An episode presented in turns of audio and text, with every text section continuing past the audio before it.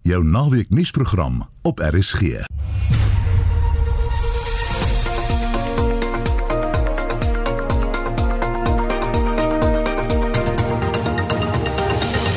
Goeiemiddag. In die volgende uur, die minister van Finansies, Tito Mboweni, se aanvullende begrotingsrede vind volgende week plaas en ons kyk wat ons kan verwag. Verskeie groot maatskappye moet mense afdank weens die COVID-19 pandemie. Die bonatuurlike thriller uit is die eerste Suid-Afrikaanse fliek wat sy plaaslike buiging op Netflix maak. Ons het 3 keer gewys, ons is elke keer uitverkoop. Toe ons op ons premier aand daar aankom, toe staan daar 'n skrikkelike lang tou want jy kan actually nog by die fliek inkom as daar mense nie opdaag nie. So die mense was verskriklik positief oor die fliek nie. En die gehore is verskriklik interaktief. En die Kaapstad Metro rehabiliteer die Klein Dassenberg beskermde gebied. Ons kry die jongste oor die proses. Welkom by Naweek Aktueel. Die redakteur vandag is Justin Kennedy, produksieregisseur Lewona Bekus en ek is Marieta Kreer. Nadat jy Saterdag aand heerlik gebraai het, kuier ek en jy rondom die nageregtafel met RSG countryklanke tussen 10 en 11. Red River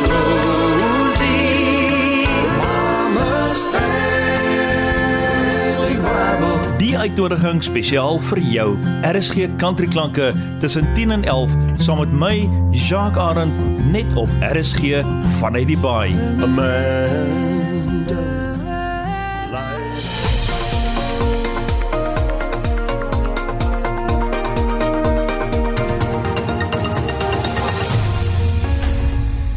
Ek hoop regtig nie dit is belangrik vir jou laat dit is, maar dit is 4 minute oor 12. Swart ekonomiese bemagtiging, die onteiening van grond sonder vergoeding en regstellende aksie is die drie brandpunte waartoe president Cyril Ramaphosa die ANC opnuut verbind as deel van die regerende party se toekomstige beleid. So het dit gelyk uit vrae wat deur die Vryheidsfront Plus se leier, Dr Pieter Groenewald, aan die president gevra is tydens donderdag se vrae en antwoord sessie in die parlement. En ons gesels nou met Dr Groenewald. Hallo Pieter. Goeiemôre Marieta. Wat is jou mening oor die president se antwoorde op jou vrae in die parlement? Wel in die eerste plek wil ek sê dat dit is duidelik dat die president soos ons almal wil sê 'n dooie perd wil lewe inblaas want hy het ook baie duidelik gesê dat hulle gaan dit verder bevorder. Nou enige een weet dat swart ekonomiese bemagtiging, regstellende aksie en onteiening sonder vergoeding is eintlik vernietigend vir die ekonomie. En dit wil voorkom asof die president nie regtig weet hoe om die ekonomie behoorlik te laat vorder vir die toekoms nie. Hy lyk my in 'n situasie wat ons sien net dat daar meer werkloosheid ontstaan veral onder ons jeug en hy weet nie regtig wat is die oplossings nie want as hy praat dan sê hy daar moet sekere goed gedoen word, daar moet werk geskep word. En my vraag het ook spesifiek gevra, maar hoe gaan hy dit doen? Ons weet wat daar gedoen moet word, maar ons wil ook weet in Suid-Afrika hoe die president dit gaan doen en dit het hy glad nie geantwoord nie. Ja. Is daar 'n alternatief vir swart ekonomiese bemagtiging en regstellende aksie volgens julle? Die Vryheidsfront Plus se standpunt is ons is 26 jaar van 94 af. Waaroor gaan regstellende aksie en waaroor gaan swart ekonomiese bemagtiging? Die ANC sê dit is om mense wat in die verlede benadeel was om hulle 'n geleentheid te gee. Die Vryheidsfront se standpunt is daar moet weggedoen word van dit ons moet net een kriteria hê en dit moet meriete wees. En hoekom sê ek dit? As ons gaan kyk na ons universiteite, daar's ongeveer 3 keer meer swart studente wat gradueer elke jaar as wit studente. So dan kan nie gesê word dat swart studente en swart jeugdiges het nie 'n gelyke geleentheid nie. As jy goed gekwalifiseerd is, daar is 'n oorvloed daarvan dan behoort as ons meriete toepas, sal daardie mense die werk kry want Suid-Afrika het die bestes van sy beste nodig om die ekonomie te bou. En daarom sê ons, dis onnodig om regstellende aksie te hê. Swart ekonomiese bemagtiging, selfs swart politieke skrywers sê, dit is net die elite wat gekonnekteer is of wat verbintenis het met die politici in hoë poste wat bevoordeel is. Ek meen as ons gaan kyk na die armoede in Suid-Afrika, as ons gaan kyk na die hoë werkloosheidssyfer, jy weet dit is skrikwekkend as 'n mens besef die amptelike statistiek sê 58% van ons jong mense is werkloos. Mm. amper 60%. En as ons daarna gaan kyk, dan vra ons die vraag: het swart ekonomiese bemagtiging regtig tot nou toe gewerk? Die resultaat wys dit was 'n mislukking, so dit werk nie, doen weg daarmee. Nou die derde punt, die kwessie van grondonteiening sonder vergoeding is 'n brandende kwessie vir al vir boere. Wat is volgens julle die oplossing? Ons standpunt is dat daar is meer as genoeg grond in Suid-Afrika wat beskikbaar is. Maar die groot probleem van grondhervorming is nie die boere se skuld nie. Die ANC wil elke keer sê die beginsel van vrywillige koper verkoper is die oorsaak dat daar nie genoegsame grondhervorming bestaan nie. Dis verkeerd. Die oorsaak is korrupsie die ANC amptenare en die korrupsie wat plaasvind. Daar is hoeveel grond beskikbaar, maar dit word misbruik om die boere die skuld te gee. Jy weet die boere tree na vore vir opkomende boere. Hulle gee hulle mentorskap gratis, help hulle om te boer. Almal wil graag hê daar moet goeie en suksesvolle boere in Suid-Afrika wees, want ons moet kos en op ons tafel kan sit. So grondhervorming sê die Vryheidsfront plus baie duidelik. Eerstens, raak ons slaaf van die korrupte amptenare. Tweedens, gebruik die beginsel van vrywillige koper en verkoper. En die derde plek sê ons dat daardie projekte waar daar reeds in grondhervorming grond aangekoop is, maak eers 'n sukses daarvan. Die minister in hulle jaarverslag sê hulle 90% van daardie projekte het misluk. Ons sê maak dit reg. As jy net daai paar stappe neem, dan gaan jy al klaar ver vooruit wees in terme van grondhervorming. Uh, en die vierde aspek nou goed die die uh, president sê hulle gaan dit doen. Daar's hoeveel hektare, daar duisende hektaar staatsgronde wat net daar lê. Stel dit beskikbaar. Maar die Vryheidsfront Plus is baie duidelik. As jy belastinggeld gebruik, sorg dat dit 'n boer is wat 'n sukses kan maak hmm. van daardie boerdery. Dit moenie net geld in 'n put wees nie. Jy weet, jy het nou net nou verwys na die 26 jaar, maar hoe kan 'n mens maak dat grond ont, uh, grondhervorming vinniger versnel word in Suid-Afrika? Die vraag is as ons sê ons wil dit versnel, wat wil ons daardie sê? Wil ons dan sê dat daar moet meer swartes wees wat in besit is van grond? Die president het gesê 72% van die grond is nog in wit besit. Nou die eerste plek word daar 'n basiese fout gemaak. As jy na die Karoo toe gaan, en jy wil 'n bestaan maak, kan jy amper nie bestaan maak as jy nie 10000 hektaar het nie. Mm. Maar as jy in die Vrystaat kom, gaan jy dalk met 1000 hektaar 'n goeie bestaan kan maak. So in die eerste plek maak hulle 'n denkfout om oppervlakte te wil toeëien om te sê dit is nou grondhervorm. Die uitgangspunt behoort te wees om te sê daar moet produktiewe boere wees. En daar is baie opkomende swart boere wat goeie boere is. Hulle maak 'n sukses daarvan. En dan sê ons as hulle dit wil versnel soos hulle dit wil sê, dan moet hulle vir ons sê wat bedoel hulle daarmee? Hmm. Hulle gaan uit uit 'n rassekonnotasie en ons sê dit is verkeerd. Jy weet dit is so ironies. As ek byvoorbeeld kan teruggaan na die president, hy sê dat ons moet 'n inklusiewe ekonomie bou. Ons moet ras moet eintlik nie 'n rol speel nie. Maar dan kom weer spreek hy homself want hy maak die narratief van 'n toekomstige ekonomiese ontwikkeling maak hy juis aan ras, swart ekonomiese bemagtiging, regstellende aksie en grondhervorming. Kom ons vat die grond rondom stede. Natuurlik word daar ontwikkeling gedoen. Daar's mense wat daar gaan bly. Daar was tog al die jare, nog voor 94, was daar nog altyd 'n proses om te sê stel die grond beskikbaar en as daar byvoorbeeld grondeienaar was wat byvoorbeeld 'n mal prys wou gehad het, was daar 'n wet wat gesê het ons gee jou 'n billike prys en dan gaan ons jou onteien as jy dan nie dit wil aanvaar nie. Maar die regering kom nou, hy wil onteien sonder vergoeding en ek sê hy wil dit doen om 'n kommunistiese sosialistiese ideologie na te streef, nie in belang van Suid-Afrika nie. Baie dankie Pieter. Ons het gesels met die leier van die Vryheidsfront Plus, Dr Pieter Groenewald. En ons bly by hierdie storie en vir die aksie praat ons nou met die hoofekonoom van die Efficient Groep, Dawie Rood. Voordat ek vir jou welkom sê Dawie, eerstens baie geluk met jou verjaardag vandag. Dankie Marita. Wat is jou siening oor die president se verbintenis tot swart ekonomiese bemagtiging, die onteiening van grond sonder vergoeding en regstellende aksie? Ja, jy raak nou 'n hele klompie aspekte hier so, Marita. Kom ons begin miskien heel eers by grond. Um, ek dink eh, hierdie grond is natuurlik 'n verskriklike emosionele ding. Dit is 'n emosionele ding aan die kant van die politici en natuurlik aan die kant van die boere ook. Ek dink dis 'n baie groot fout wat ons maak, want as mense 'n ekonomie ontleed, dan kom jy agter ekonomieë verander oor tyd en dan die primêre sektor waarin landbou nou is en mynbou is byvoorbeeld, raak al minder en minder belangrik. Dit beteken nie dit is nie belangrike sektore nie, maar dit raak al minder en minder belangrik soos wat ekonomie geleidelik al meer modern raak. En die werklike waarde toevoeging op landbou vandag kan mens eintlik argumenteer vind plaas in die laboratorium en dit vind plaas met ander tipe van goed soos byvoorbeeld hierdie sogenaamde drones wat hulle gebruik en uh, uh, presisie uh, boerdery en dies meer. So die werklike waarde toevoeging is nie die die grond nie, dit is wat jy doen met die grond.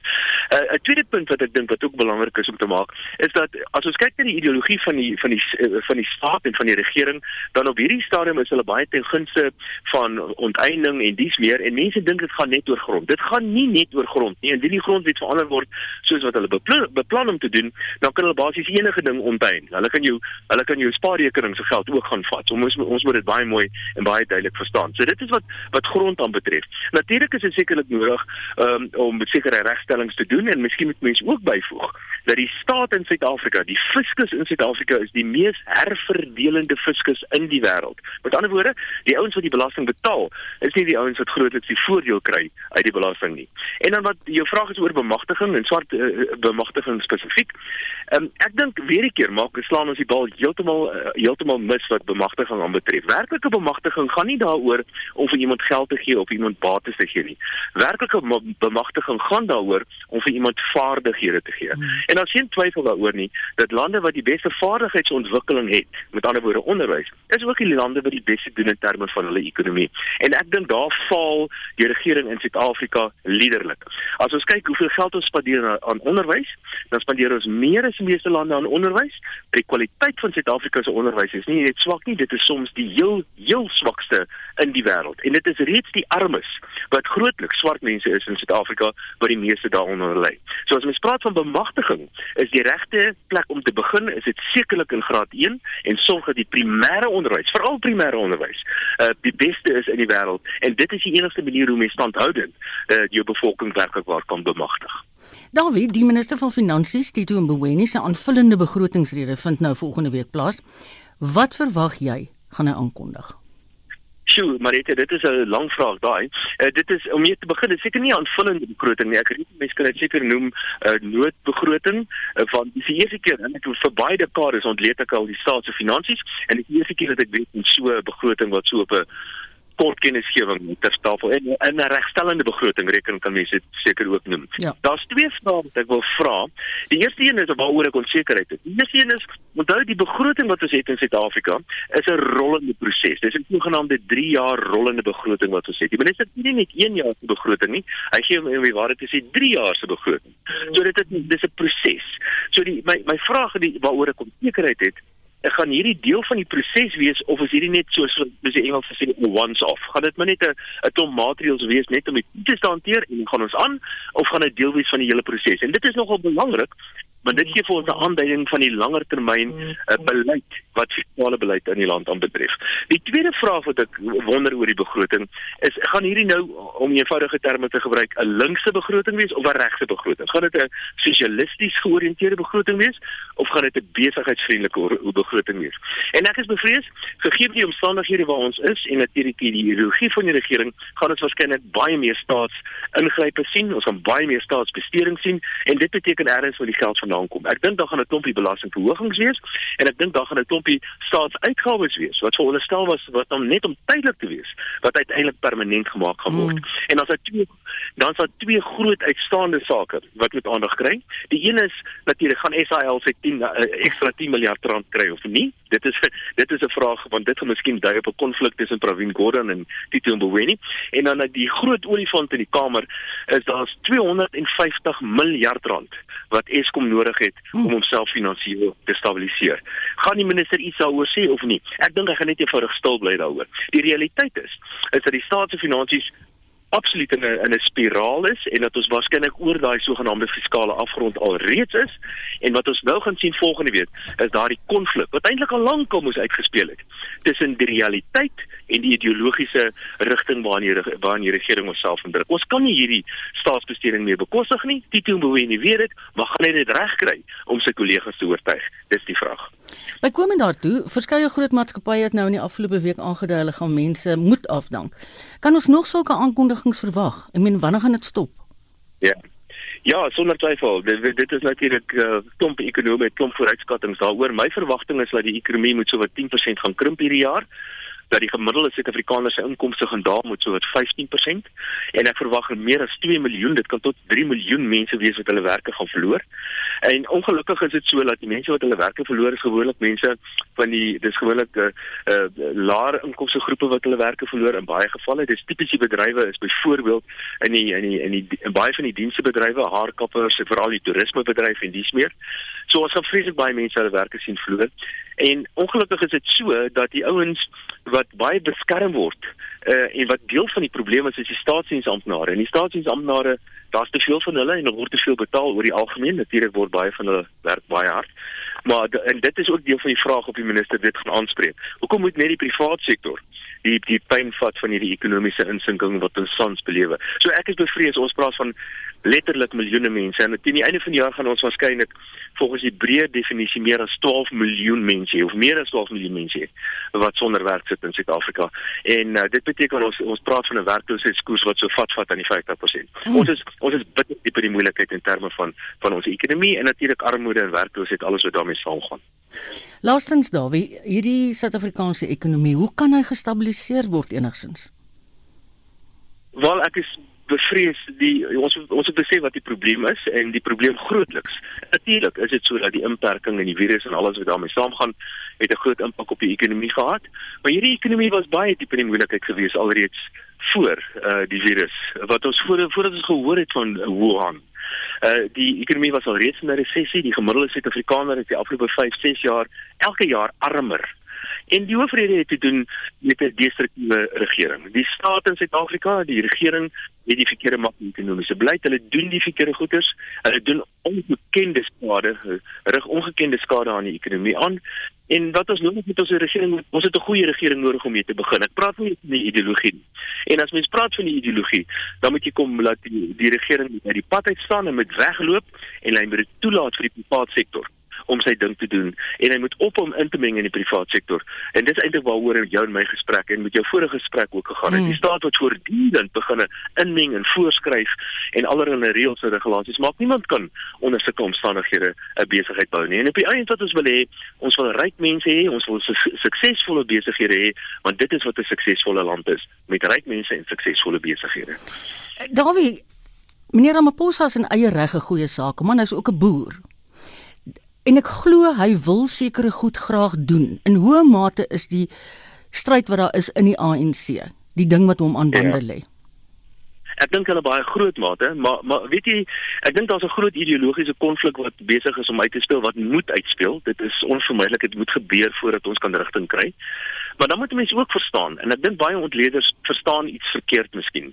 Baie ontleeders kyk na die na die ANC deur 'n ideologiese bril. Hulle sê hulle is 'n kommunisties geïnspireerd of hulle sosialisties of is 'n liberation organisation en dis die tipe van name wat ons vir die ANC of die drie party alliansie gee. Ek dink daar's baie waarheid daarin, maar ek dink daar's iets wat ons almal baie keer miskyk en dit is in 'n baie groot mate bestaan die ANC en die drie party alliansie daaruit net eenvoudig om van die staat af te teer. Natuurlik nie almal nie, maar baie van hulle steur net eenvoudig van die staat af. Ons het 'n ons het 'n regering, 'n drie party alliansie wat soos ek gesê het ongekende skade aan die land aangerig het en is nog steeds so. Daar daar is geen rasionele rede hoekom SAL moet herrys nie. Uh, as mens kyk na die wyse waarop die staatsbeheer instellings bestuur word, die, die wyse waarop die plaaslike owerhede bestuur word, alles word uiters uiters uiters swak want die ANC en die drie party alliansie teer eenvoudig op die staat. En ek dink dis die probleem. Hmm. Dis die probleem wat ons moet aanspreek en dit is die groot dilemma van Ramaphosa, want hy moet sy en hy moet sy kollegas oortuig dat ons 'n effektiewe staatsdiens daar moet kry, iets wat ons absoluut glad nie het op hierdie stadium. Ja. Dawie baie dankie. Dit was die hoofekonoom van die Efficient Groep, Dawie Rood en ek hoop jy het 'n wonderlike verjaardag.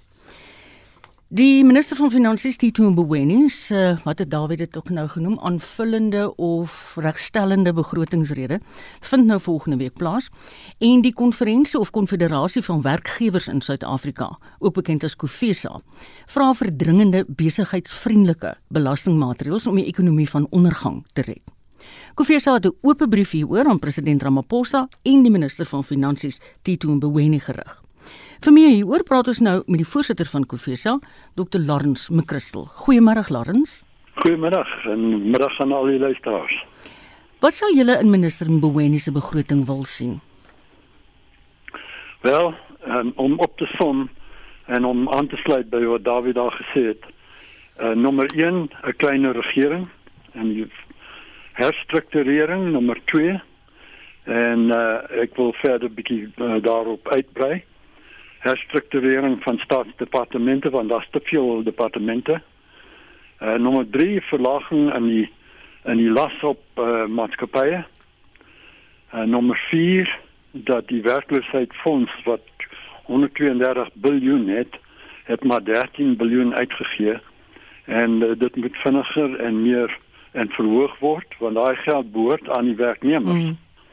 En nommer 5 dat ehm um, daar 'n uh, uh, uh, uh, uitbetaling aan maatskappye moet kom soos wat daar in die geval van boere was. Hulle 32000 aan elke boer uitbetaal, elke uh, 20000 rand.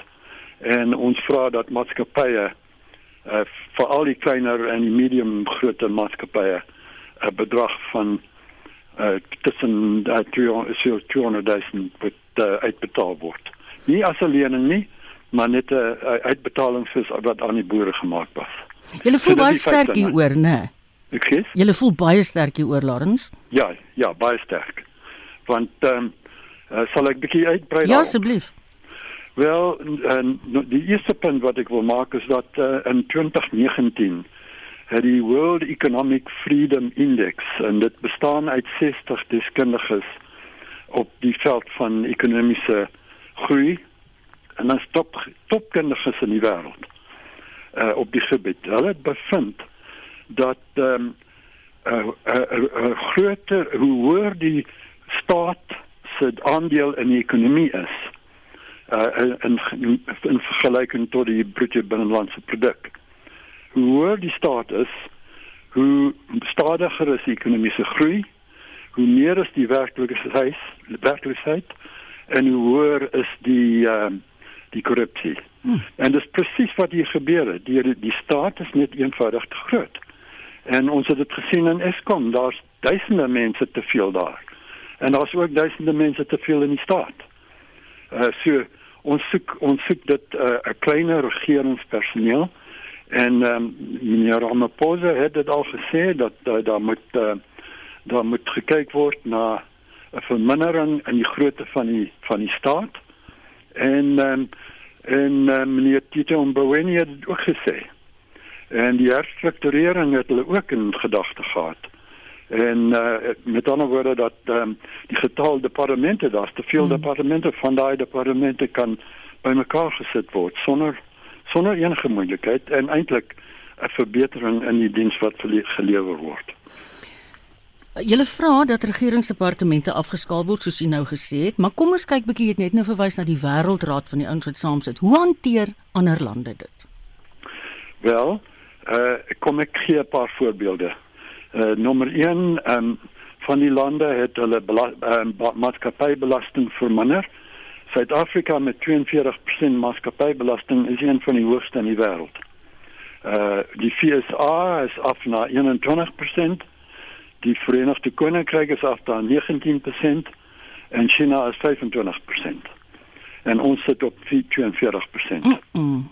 En dit is dit is uh en dan daarbey het die BTW gestyg van 10% na 15%. En um, dit sit die staat in 'n posisie waar hy meer inkomste kry as wat die gemiddelde besigheid kry. Min besighede kry 15% wins op hulle op hulle omset.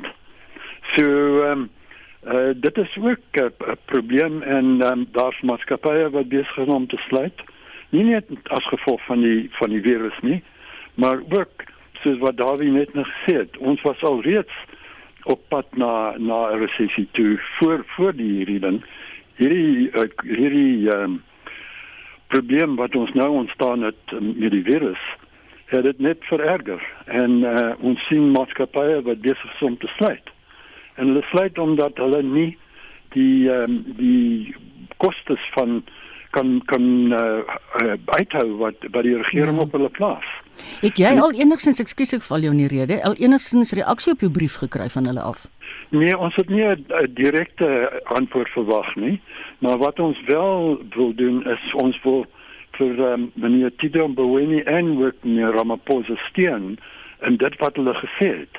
Want um, daar is en uh, ek ek dink Davie het ook bietjie daarna verwys, daar is uh, probleme binne in die ANC saam met sy vennote uh, wat um, besig is om hierdie soort van verandering teen te staan mm. want dit gaan hulle inkomste um, verminder. En um, wat ons hier sien is 'n regering wat doteer op die inkomste wat hy kry. En dis waar ons basiese probleem lê. Ek sien volkomme saam daarmee dat wat wat net nou hier gesê is dat ehm um, die Dawie dat ehm um, die regering vir mense eh, kyk net na die syfers. Oor die 200 000 staatsamptenare kry meer as 'n miljoen rand 'n maand. En ehm um, waar kom daai geld vandaan? Dit kom van die belastingbetalers en eh uh, die belastingbetalers betalers is eenvoudig om besig om al alles waarde te kry. So dit is waar die probleem lê en ons wil hulle steun in hulle standpunt dat ons moet herstrukturering kry beide binne in die staat en ook in die private sektor. En 'n ander ding wat daai wêreld uh, groep gevind het is dat ehm um, uh die die regulasie van klein en medium grootte sake is 'n baie baie belangrike ding. Dit het dit is in talle lande gedoen, New Zealand, ek noem byvoorbeeld New Zealand waar hulle dieselfde gedoen het, hulle het hulle gedireguleer van al die regulasies um, ten opsigte van uh, vakbond lidmaatskap mm. en sulke goed en en uh, wat ons ook in Suid-Afrika het waar die besluite wat gemaak word deur um, die die vennootskap tussen die die uh, Staat, ja. die ja ja die uh, mm uh, werkgewersorganisasies en die werknemersorganisasies. Hoorie Lawrence, ekskuus dat ek nou nie rede val oor tyd ja. raak 'n bietjie min, maar ek wil net okay. vir jou sê dink ek en jy nie albei saam solank advokaat Shamila Batoy net haar werk doen nie. Baie dankie vir jou bydrae vandag. Dit was Dr. Lawrence McChrystal, die voorsitter van Kufesa. Die vonnisoplegging gister van twee polisielede wat hulle kollega vals beskuldig het van rasisme is uitgestel tot 31 Julie. Ons praat nou met Solidariteit se sektorkoördineerder in die openbare sektor, Renata Barnard. Goeiemôre Renata. Goeiemôre Marietta en môre vir al die luisteraars. Gee ons net 'n bietjie perspektief en agtergrond waaroor gaan hierdie saak? Marita ons ek verteenwoordig luitenant-kolonel Anne Marie Oosthuizen. Sy's 'n um, offisier wat aangestel is in Klerksdorp. Um, sy was op daardie stadium in 2017 was sy die hoof van die menslike hulpbron bestuur afdeling En in Februarie 2017 het twee van die mense wat onder haar beheer is, twee adjutant-offisiere, met ander woorde hulle is onderoffisiere, het uh, versuim om vir diens op te daag die Vrydag. Nou Anne Anne Marie se baie streng offisier, maar sy doen haar werk en ek voel sy het opgetree in die beste belang van die Suid-Afrikaanse polisie diens.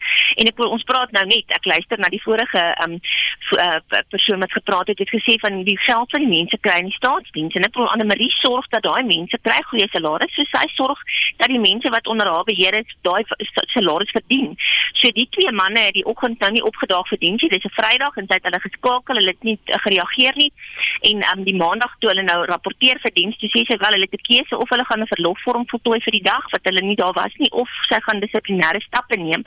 En um, hulle was toe nou baie ongelukkig daaroor en het uitgestap en na hulle kantoor toe gegaan en daar beplan dat hulle gaan 'n saak teen haar maak en wat dan nou beter as om te sê sy die sy het hulle die K-woord toegevoeg. Ja, ja. So hulle het gegaan en 'n dossier gaan open en daar was dissiplinêr of hulle het 'n griefhok ingesit. Die polisie het onmiddellik teen Anne Marie opgetree. Daar was 'n dissiplinêre ondersoek en um twee keer eintlik twee ondersoeke en op die einde van die dag het hulle haar dissiplinêr aangekla en um, ons het haar verteenwoordig daar deur 'n advokaat en met groot genade Marietta het sy onskuldig gekom maar in die tyd toe dit nou gebeur het was sy ongelooflik on ontstel en sy het ons het nou gebel en gesê wat moet sy maak? Die mense het 'n saak opgemaak en sy het dit in haar lewe nooit gesien nie. Ja. sy is 'n enkel getuie. Dit was die twee persone. En weet jy met die grootste genade het daar 'n vroutjie vorendag gekom 'n intern 'n swart vroutjie wat in die kantoor gesit het toe die twee manne die ding um, beplan het. En sy het nou na vore gekom en gesê maar luister hierso ek kan nie met my gewete saamlewe nie. Ek kan nie toelaat dat ja. hierdie goed gebeur nie. Dit is nie waar nie.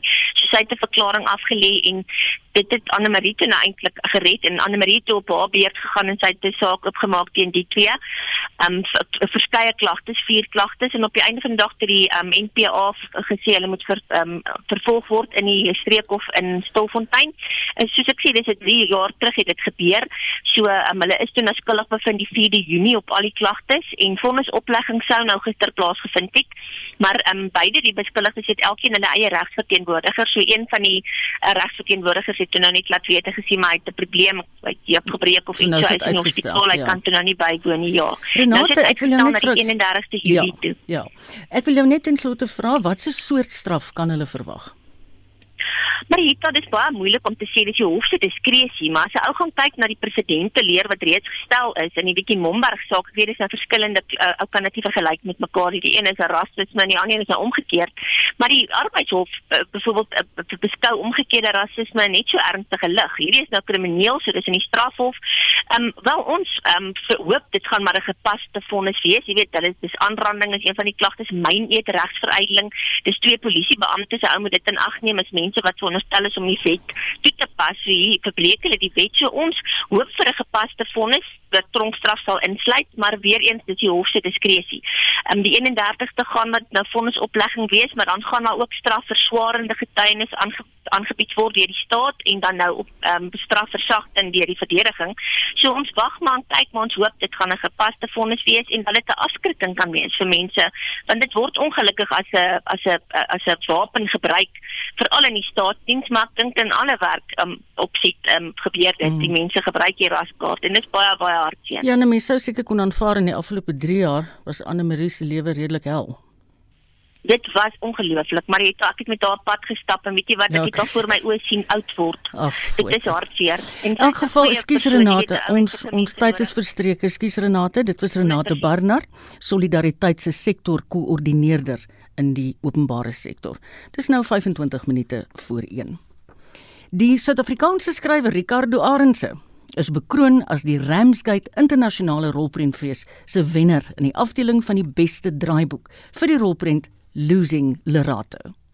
Die rolprent handel oor 'n pa wat alles in die stryd werp om sy dogtertjie Lerato terug te kry. En Ricardo sluit nou by ons aan. Goeiemôre Ricardo en baie baie geluk.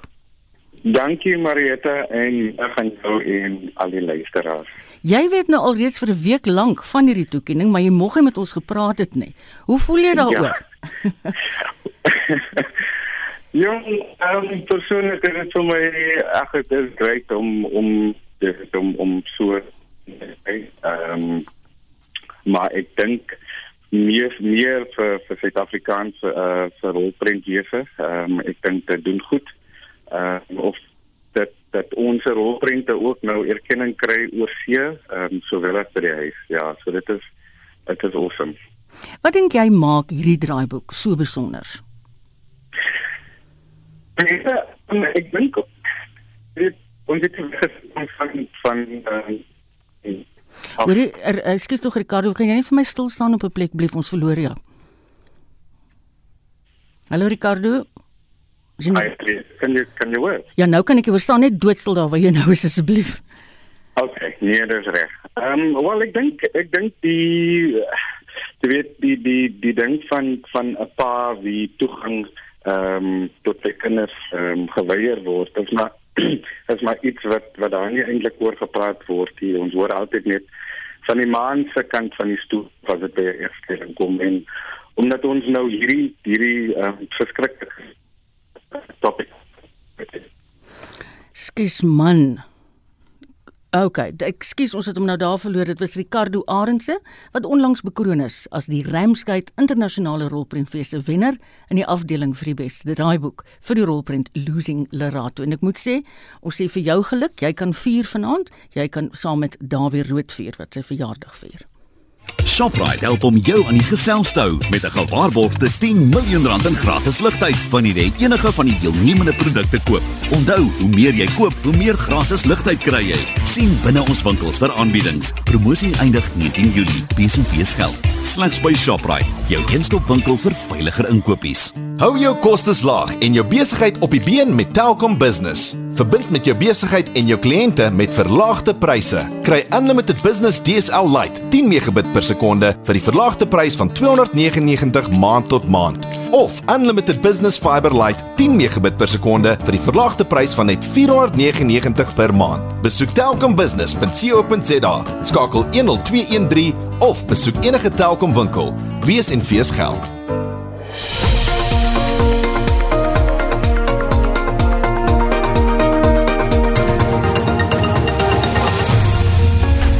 Dalk het jy onlangs eers jou radio aangeskakel. Welkom by Naweek Aktueel op RSG. In ons weeklikse motorrubriek toets Wessel Pretorius 'n Toyota.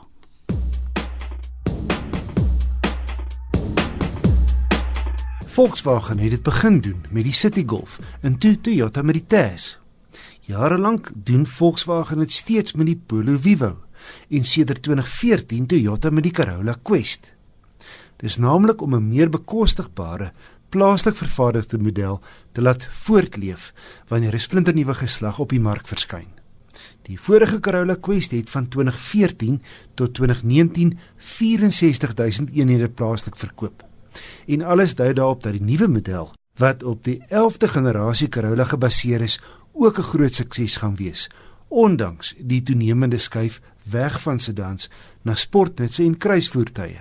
Want hy's goed geprys Jy kry nou 'n groter verskeidenheid modelle en daar's baie te sê vir Toyota se gehalte, herverkoopwaarde, groot handelaarsnetwerk en relatiewe bekostigbare onderdele.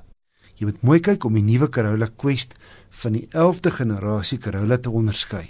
Hy kom nie meer met misligte voor nie en die dagryligte is nou langer en lê net onder die hoofligte. Wel plek plek harde plastiek binne om geld te spaar, maar dit pla nie. En verder gebruik Toyota Suid-Afrika 'n paar onderdele van die Fortuner en Hilux wat saam met die Quest in die reuse Durban aanleg gebou word.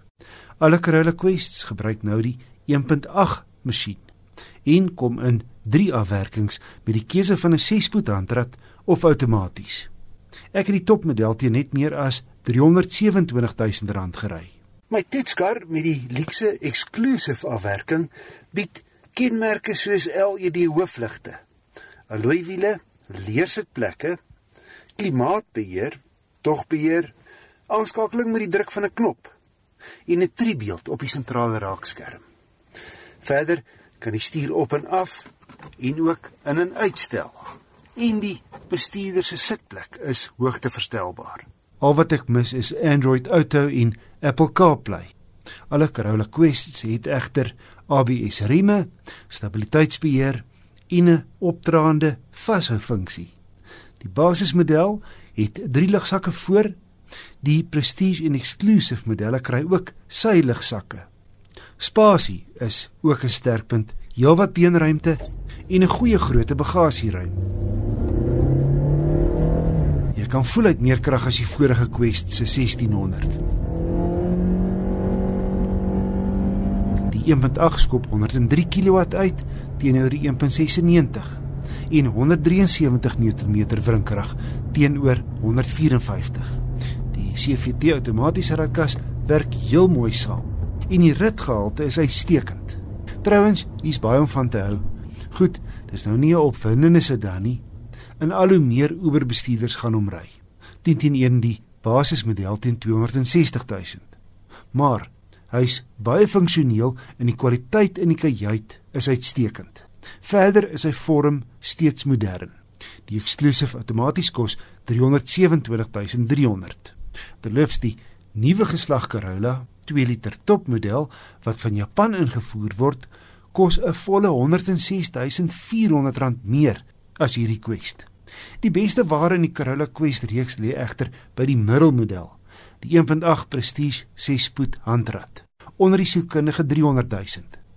Hy het nou wel nie die eksklusief se leersitplekke en sleutellose aansluiting nie, maar dieselfde veiligheidskenmerke asook goed soos spoedbeheer, 'n leerstuur en 'n looiwiele teen R295.200. Ons het vroeër die week op Monitor berig oor meer as 20 eiendomme wat net suid van Johannesburg deur grondgrypers beset is. Die polisie wou volgens Afriforum se hoof van gemeenskapsveiligheid, Een Cameron, hulle nie help nie. En nou praat ons met Ian daaroor. Ian, waar staan ons nou met daai saak? Baie daar is baie goeie nuus. Ons het gister 'n bevel gekry teen die besetters. Dit word eh, komende maandag of dinsdag beteken op hulle, natuurlik die polisie ook. So hulle word nou gedwing om op te tree en indien hulle nie optree nie, gaan ons self kan intree. Natuurlik is daar 'n hele proses met die bilgie wat gevolg moet word. Die feit van die saak is hierdie is 'n dis 'n wen vir eiendomsreg en ons kry hier 'n geleentheid om daardie mense se eiendomsreg ook te beskerm. Geen net vir ons weer agtergrond hoekom het die polisie nie opgetree nie? Die polisie eintlik baie snaaks. Ehm uh, volgens gerugte in die area het, het van die polisielede self uh, van hierdie grond gekoop by die besetters. Die koöperaat betaal omtrent R250 per erf wat vir jou uitgemerk word en daarom sê die plaaslike gemeenskap dit is die rede, maar dit is gerugte. Wat ons betref vir die polisie reguit vir die gemeenskap gesê dis net die mense wie se grond dit is, hulle moet maar onderhandel met die grondgrypers en hulle moet self dan Ja. ehm um, sien kom klaar met wat wat in die toekoms lê en dit is natuurlik onaanvaarbaar want dan moet betredingssake gelê word en die nodige stappe moet gevolg word. Een baie dankie. Dis een Cameron, Afriforum se hoof van gemeenskapsveiligheid. Die Kaapstad se Metro se biodiversiteitsafdelinge tydens die inperking kans gekry om die Klein Dassenberg beskermde gebied te rehabiliteer. En ons praat nou met die burgemeesterskomitee lid vir ruimtelike ontwikkeling en omgewing, Marihan Nieuwoud. Hallo Marihan. Hallo Marita. Kom ons som net gou-gou op waarom is die rehabilitasie nodig?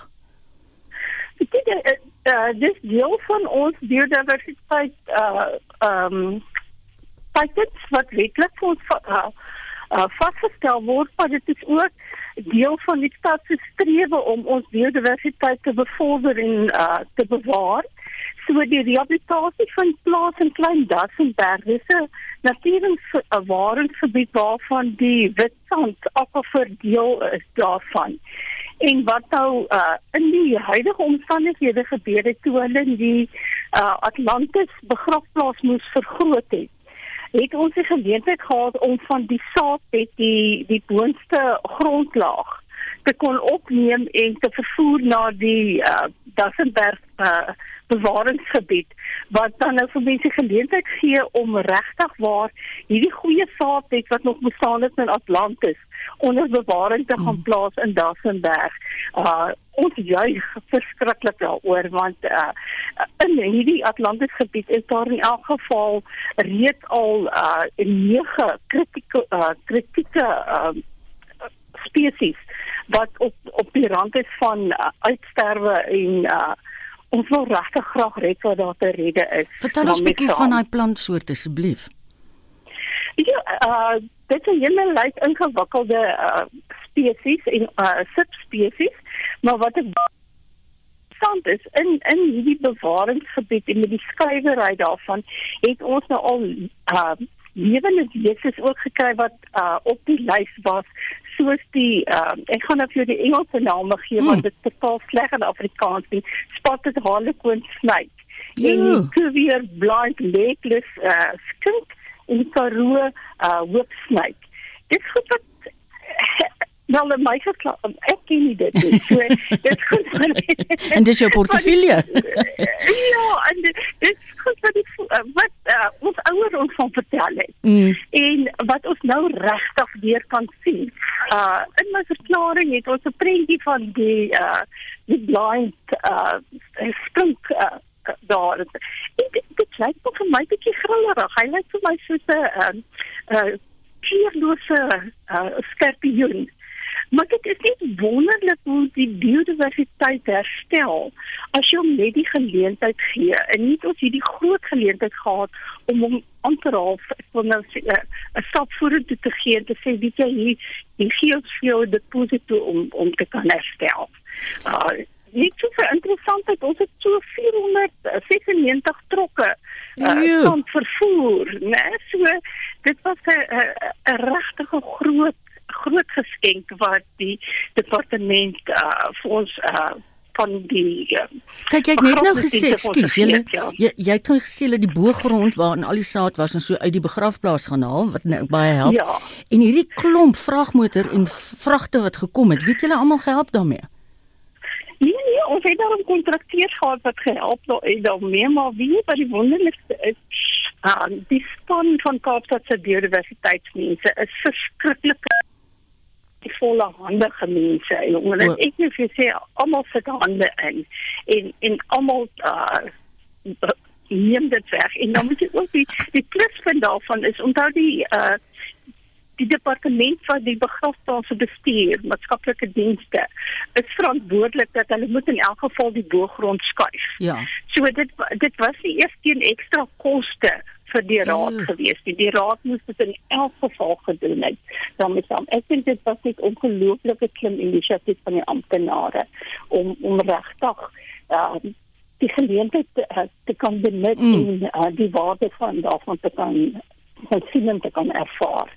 En dan moet ek nog sê die die feit dat die mense so bietjie weggehou het, het dit nog makliker gemaak, né? Want ja. dan kan jy ongestoord uh mm. dit doen en uh, net so interessant die mense kla altyd dat hulle moet impakstudies doen en ja, hy impakstudies doen. As ons nou nie hierdie instituut uh, hierdie studie laat doen het, het ons nie geweet van die staat nie. Ja. En dan kon ons dit ook nou nie red nie. Mm. So das altyd te silwer randjie aan 'n donker wolk. Ons is saam met julle bly. Baie dankie. Dit was die burgemeesterskomitee lid vir ruimtelike ontwikkeling en die omgewing in die Wes-Kaap, Mariaan Nieuwoud. Sy is meer spesifiek in die Kaap se metro. Die bonatuurlike riller uit 8 in Engels is die eerste Suid-Afrikaanse fliek wat sy plaaslike buiging op Netflix maak. Dit volg binne 'n week nadat die rolprent in die FSA beskikbaar gestel is. Dit het Amerikaanse kritici so gaande dat dit reeds meer as 100 positiewe resensies daar ingepalm het. En as ek reg onthou het Anne Marie laasweek 'n bydrae juist daaroor gehad en toe het iemand gesê maar hierdie thriller flieks is verskriklik gewild in Amerika. Maar die flieks se regisseur, Harold Holscher, het juist vir Anne Marie gesê, die storie is 'n ode aan eg Suid-Afrikaanse volksverhale en mitologie. Some African cultures say the Sangomas can talk to your ancestors. Which doctors? That's just superstition, Mary. It's not just superstition, it's real. Die inspirasie het eintlik gekom. Ek het altyd gewonder, daar's gaan so baie mense dood in Suid-Afrika veral op die paaie. Sulke verskriklike gruisame maniere. As 'n siel byvoorbeeld so ver dood gaan, wat gebeur met daai siel as hy nou nie in die westerse geloof op hemel toe gaan nie, in die Afrika geloof waartoe gaan siel? In die Zulu en Xhosa tradisie is daar hierdie tradisionele ritueel met die naam van die Umfafa. If a body dies ver van die familie op 'n gruisame manier, dan vra hulle vir 'n sangoma of 'n healer om te gaan na hierdie boom toe met die naam van die buffalo thorn tree, Upfafa tree, en hulle gaan vra vir die siel, want hulle doen 'n ritueel en die en die siel gaan nou in die plant in. Dan vat hulle die plant al die pad van daar af terug na die familie toe. Hulle praat met die plant, die siel nou. En as hulle nou by die familie aankom, dan is daar 'n ritueel waar hulle die plant gee vir 'n bok dat die bok die plant eet. En sodoende dan sacrifice hulle na die bok en dan begrawe hulle die bok saam met die lyf en sodoende voel hulle nou dat die siel tot rus gekom het. En ek het toe gedink hierdie siele, verlore siele as ware wat oral is, wat gebeur as daar nou iemand is wat hierdie siele gaan collect, jy weet. Dit is waar my karakter met die naam van Lazarus gebore geraak het. I am the wanderer, always searching. You are in me, and I in you. And we will meet again. Die rolprent uit het sy eerste openbare vertoning by die Fantasia Internasionale Rolprentfees in Montreal, Kanada gehad. Die fees fokus spesifiek op genre rolprente en is beroemd of berig vir die aantal en tipe liefhebbers wat dit jaarliks lok.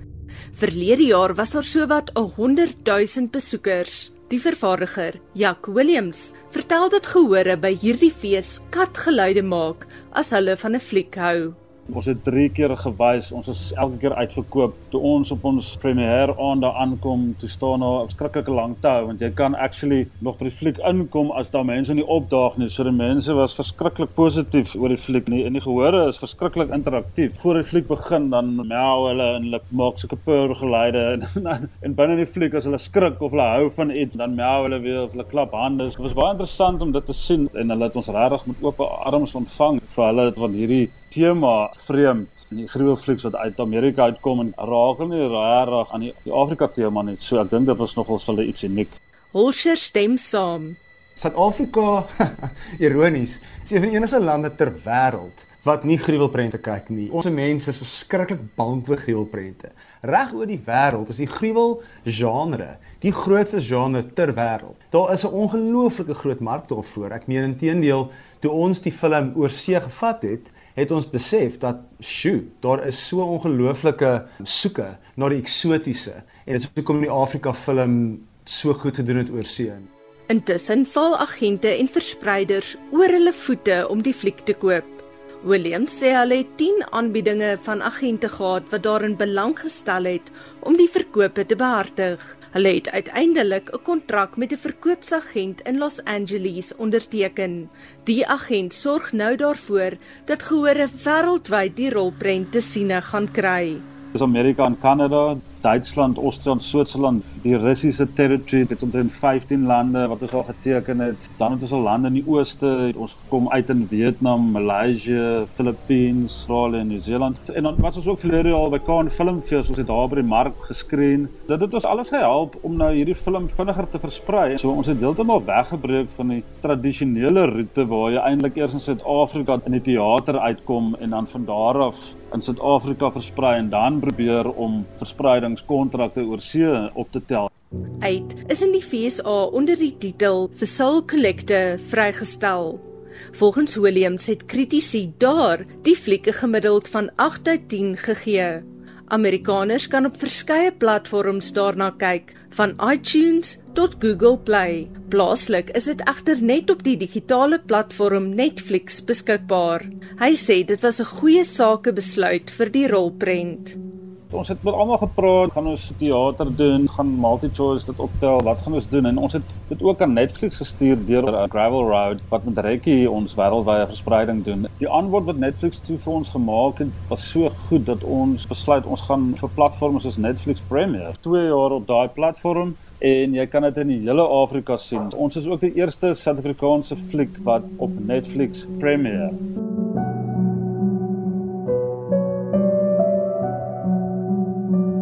Enough about Sangomas before we all get nightmares. Terwyl hulle rolprent van die naweek af dis Suid-Afrikaners met nagmerries mag wakker hou, het SAK nuus vir Holscher wat die spookstorie geskryf het, gevra of die spooke nie dalk vir hom in sy drome kom kuier het nie. Daar het ietsie interessant gebeur nou met ons praat oor nagmerries. Ek het gegaan na daai Portland Manor wat in 1842 gebou is. Geskiedenis op geskiedenis in daai huis. Onder andere daar is 'n ou slawe, hulle het slawe gehou onder die huis en die kamers spook so sê hulle. En ek het lank die aand gesit met die eienares en ons gepraat oor spookstories en sy het gesê daar's 'n seentjie wat kom kuier baie keer. En baie keer as sy skottel goed was, dan sy kyk en sien sy kykie seentjie vir haar op die werf. En daai aand besluit ek toe ek gaan in die verste kamer gaan slaap. In die film is dit nou die maanpa se kamer. En ek hoor 'n geritsel toe ek die ligte afsit en ek dog toe nee, is dit my verbeelding. En ek hoor konstant en ek sê so ek sien besig om mal te raak en dis daar's definitief iets in die kamer iemand of iets in hierdie kamer. Ek sit die lig aan. Ek glo mos nie in hierdie goed nie, maar ja, daar is dit nou. Toe ek stadig stap na die gordyn toe by die venster om te kyk wat die gritsel is, toe ek die gordyn wegblik, oh, hardop 'n muis. So dit was nie my verbeelding nie, daar was 'n muis en miskien 'n spook. Nodig om te sê ek het baie moeilik geslaap daai aand want ek het gedink die kraak van die huis is 'n klomp spooke. So nagmerries wel. En as die storie jou nie wakker hou nie, mag komponiste Alban Skutte en James Mattis se musiek dalk wel 'n rilling langs jou ruggraat afstuur. Ek is Anne Marie Jansen van Vuren vir SAK nuus. En so kom vandag se naweek aktueel tot 'n einde. Ons redakteur vandag was Justin Kennedy, produksieregisseur Lewona Bekes. Ek is Marieta en julle sal onthou ons het vroeër gesels met Ricardo Arendse van Losing Lerato. Hier's 'n stukkie van die klankbaan, Grateful deur LLT en Brian Temba. Yeah.